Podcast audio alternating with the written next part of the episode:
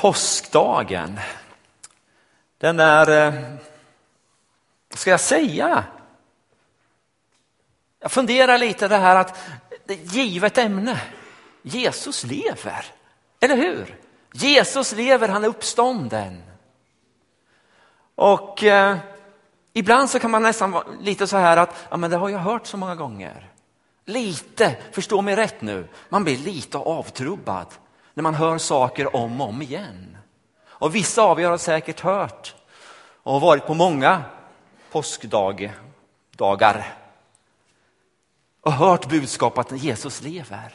Och det är en utmaning, tänker, kände jag i alla fall, att, eh, tack Hugo, eh, att tala en sån här dag. Jesus lever, han är uppstånden och jag är förlåten. Jag är förlåten, du är förlåten.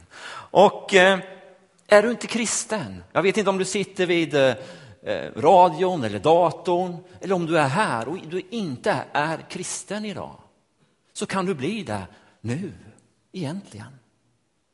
Jag tänker på rövaren på korset. Jesus, tänk på mig när du kommer i, i ditt rike. Säger Jesus, ja, idag ska du vara med mig. Så enkelt är det få syndernas förlåtelse. Bli en kristen, att, följa, att börja följa Jesus. Du kan bara säga Jesus, hjälp mig, här är jag.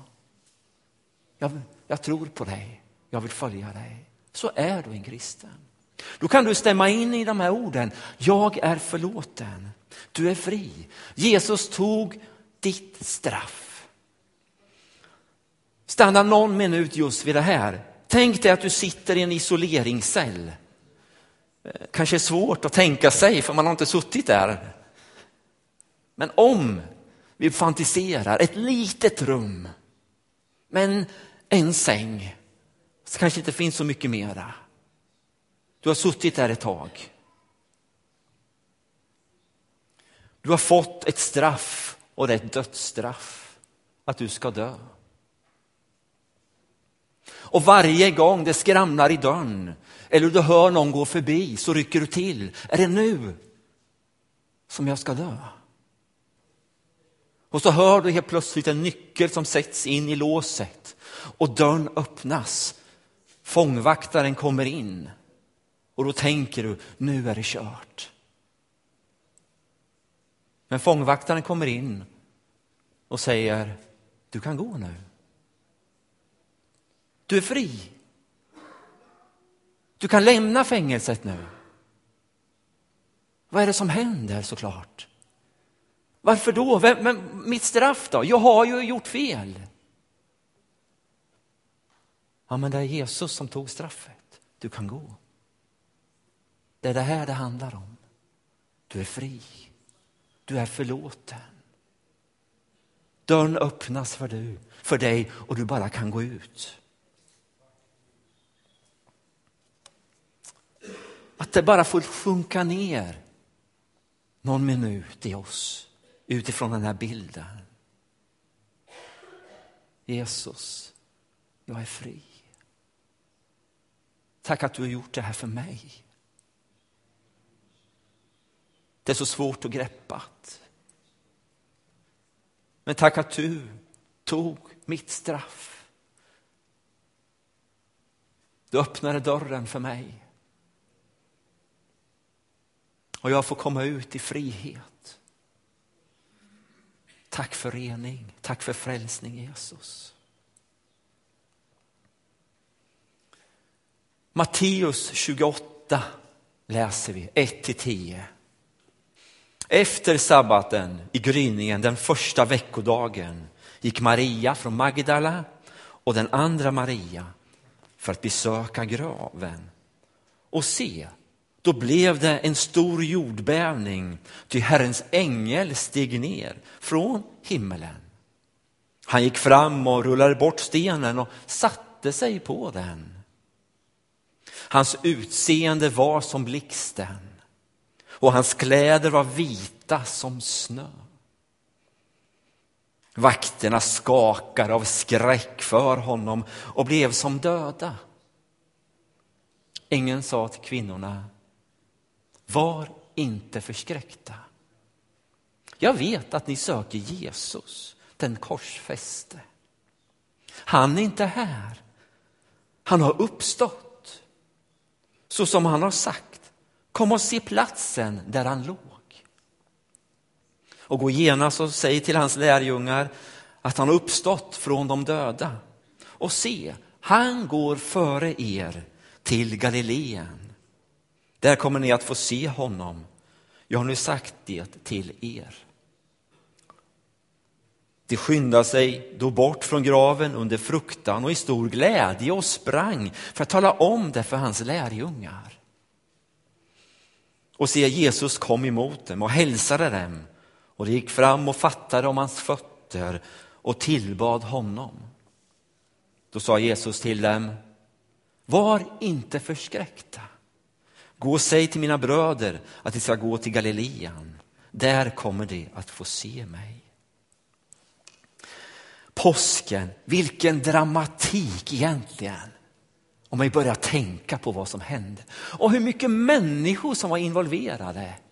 Det var soldater, det var lärjungar, det var Simon som bar korset, de skriftlärda, eh, Jesu mamma Maria var där och många andra kvinnor. Så många olika människor som var involverade. Och dessutom de här med, det här med känslorna, ja men de gick ju upp och ner hela tiden måste det gjort. Ena gången så trodde man att han skulle bli kung. Och nästa gång, ja men vad blir det av det här? Det var hopp, det var hopplöshet, det var ilska, rädsla, glädje. Det var blandat. Man slängdes från det ena diket efter det andra. Man började hoppas när Jesus red in i Jerusalem och folket skrek Hosianna, han är vår kung, han ska ta över. Han ska slå ner romarriket. Så gick det en stund och så skriker de korsfäst, han ska dö. Här pendlar det från det ena till det andra. Och så talar Jesus själv i gåtor. Lyssna, Matteus 20 och 19. Jag ska utlämnas åt hedningarna som skall håna och gissla och korsfästa mig. På tredje dagen skall jag uppstå. Vad talar han om för något? Och så den där med påskmåltiden som vi firade, som lärjungarna var med om. Det hade de firat i, vad var det, 1400 år på samma sätt. Och så kommer Jesus och ändrar om alltihopa och säger det här till minne av mig. Såklart att lärjungarna och människorna runt omkring honom undrar vad är det som händer? Varför blir det så här? Vem är han egentligen? De trodde ju att han skulle bli, skulle bli kung. Och så tar han med sig folket eller lärjungarna till ett semane trädgård. Och så kommer Judas och kysser Jesus. Och så fångar de Jesus och för bort honom. Fängslad, han blir slagen och hånad, uppspikad på ett kors och till slut så dör han. Allt är över. Så klart att det skakar om för dem. Vad, var det som, vad är det som har hänt? Vi har följt den här mannen i tre år och så dör han på ett kors.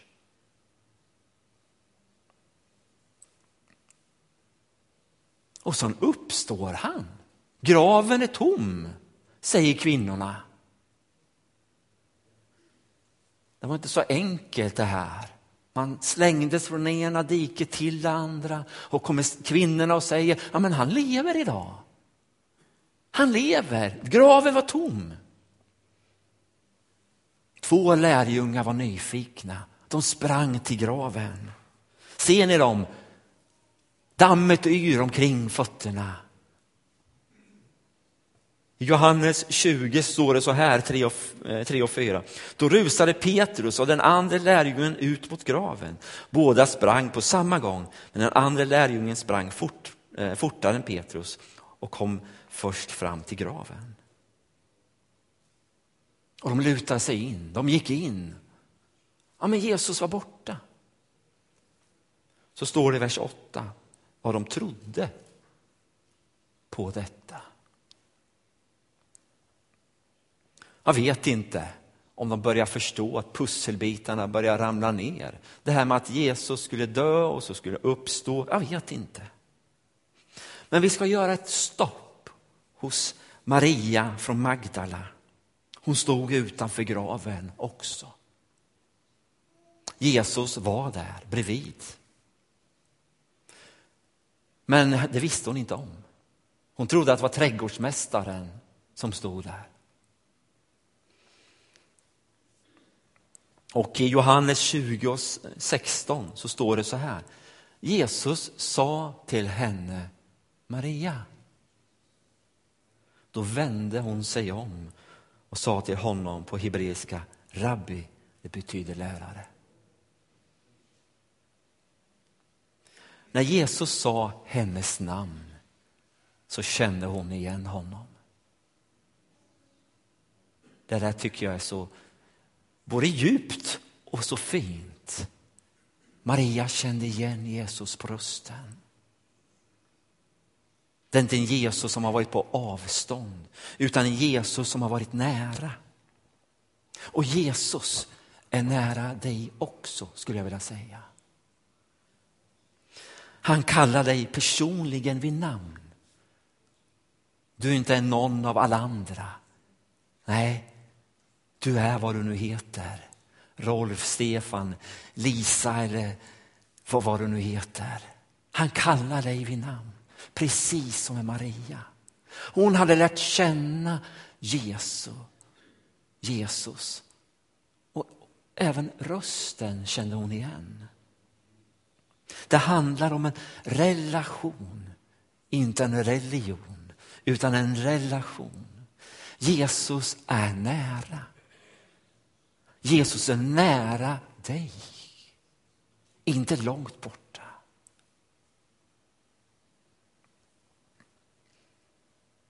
Gud är en sån som bryr sig om dig i din situation, där du finns. Han är nära dig.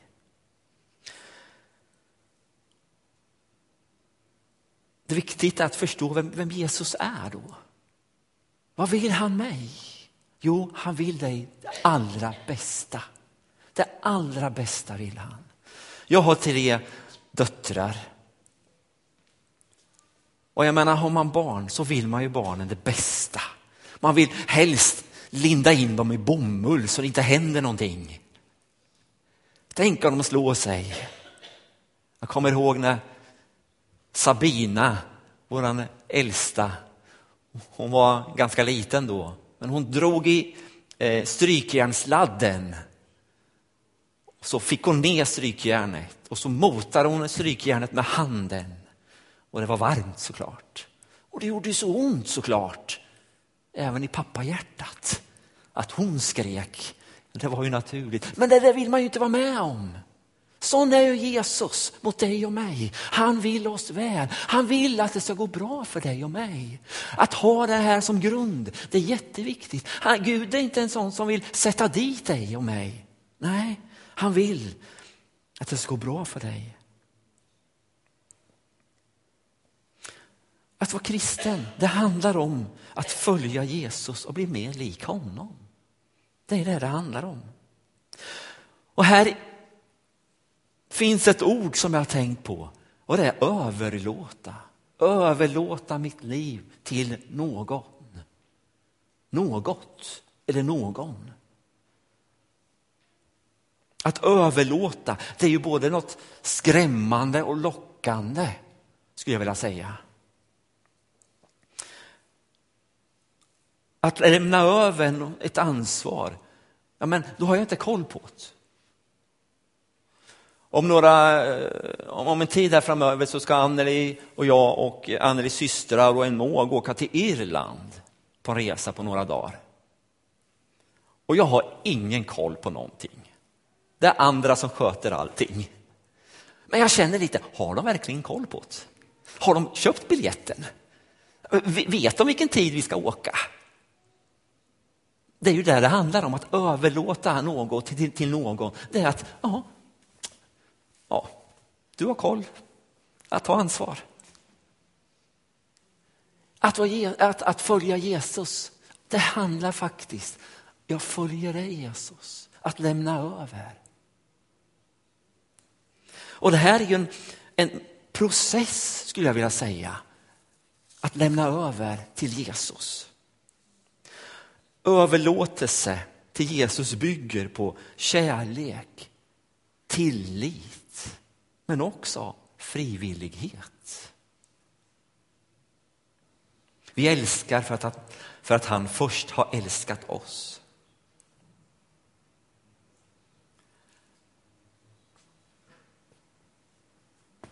Jag vet inte hur det var när du blev kristen, när du blev frälst.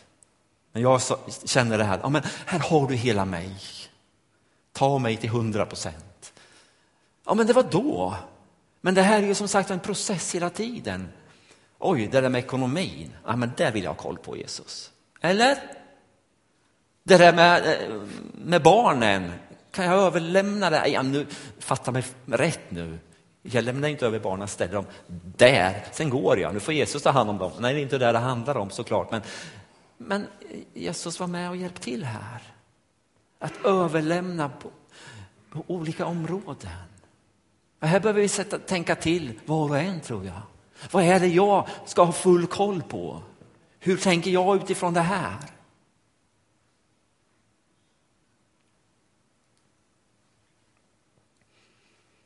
Anneli och jag, vi har ju flyttat lite grann. Och man har sagt, Gud ta hand om det här nu. Du får leda oss. Och när man tittar i backspegeln så ser man, ja, han har varit med. Han har hjälpt oss i olika situationer.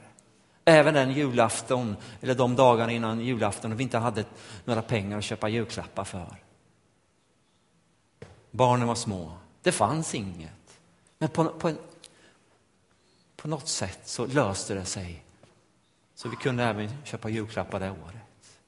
Men vi trodde, ja, men var är du Gud nu? När man ser i, i backspegeln och ser man det, ja, du har varit med. Men när man står i situationer så kan det kännas som att du, du är väldigt långt borta. Att överlåta både i smått och stort. Att släppa kontrollen. Vi vill gärna ha koll på saker och ting och det ska vi ha. Men lagom balans det där, det där svenska lagom kom nu.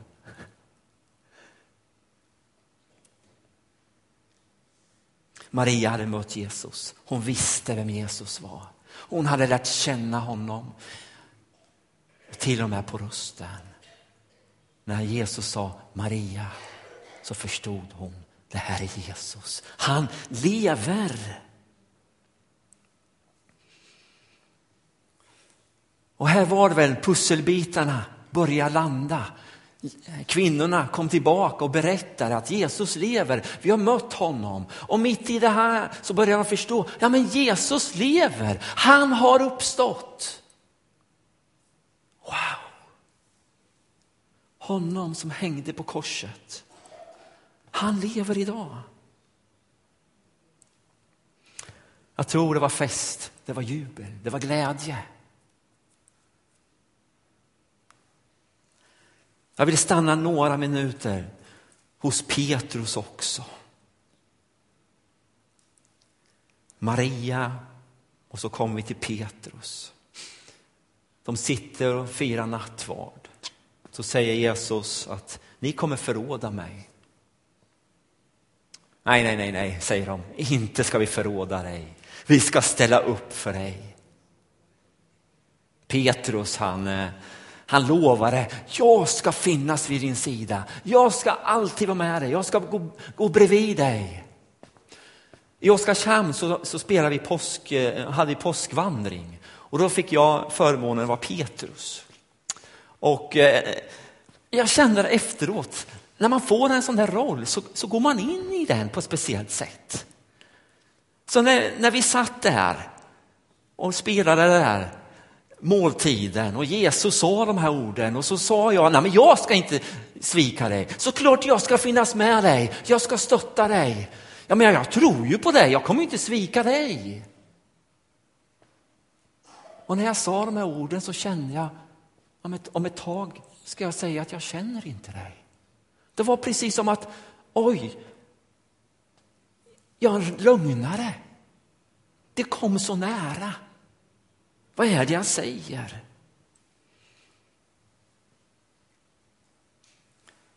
Lukas 22 står så här, en liten bit in i versen. då hade han svikit Pet Petrus, hade, eh, sa att ja, men jag känner inte honom. Jag svär, jag känner inte den mannen. Och så står det här, och just som han hade sagt detta gol en tupp. Då vände sig Herren om och såg på Petrus. Och Petrus kom ihåg detta som Herren hade sagt till honom. Innan tuppen gav i natt har du förnekat mig tre gånger. Vad står det sen? Jo, och han gick ut och grät bittert.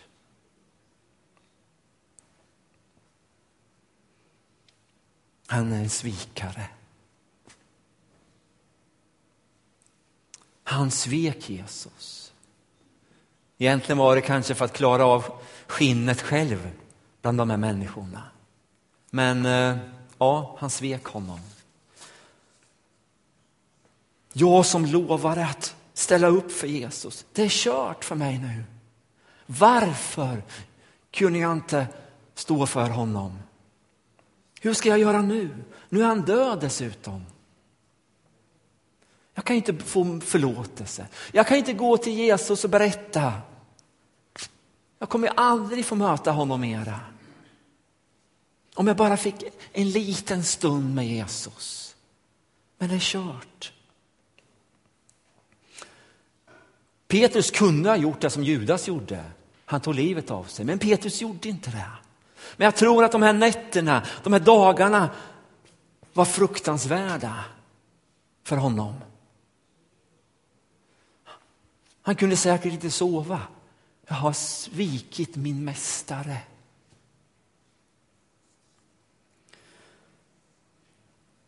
Och Markus evangeliet 16 så står det att kvinnorna fick en hälsning till Petrus.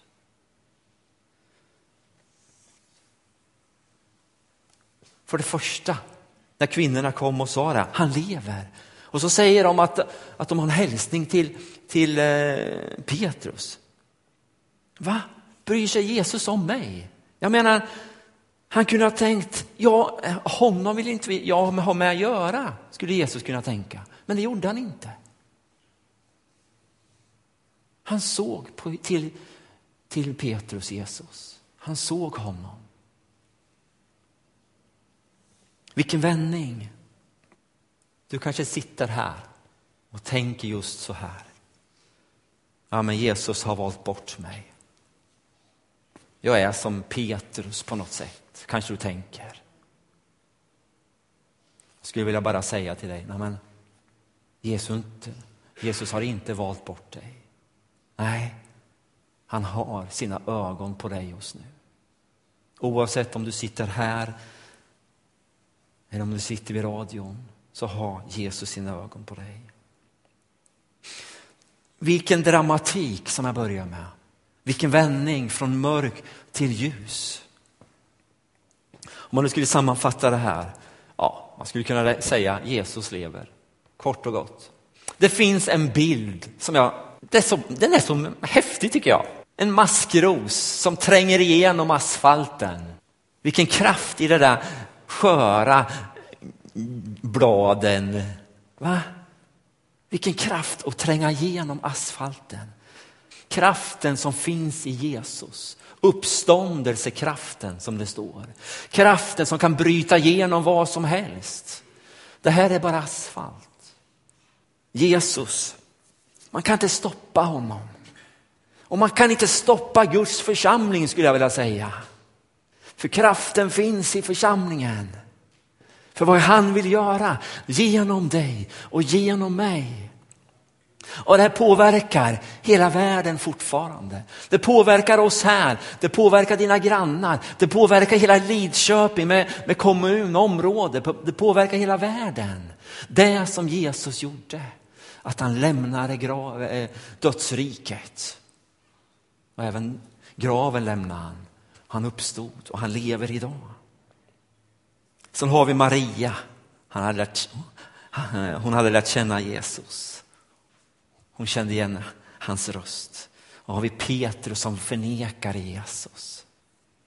Och eh, jag skulle vilja säga att Jesus vill möta dig idag utifrån din situation, där du är. Om du är som Maria som behöver ha, nu tänker jag på den här bilden med överlåtelse. Kanske, ja det här håller jag fast vid och jag vet det är inte riktigt okej. Okay. Kanske dags att tänka över, ja, men ska du våga lämna över det här till Gud? Eller Petrus, den där känslan av att jag är inte älskad. Jag har gjort så mycket fel. Jag har gjort, handlat fel i den här situationen. Ja, men han är där.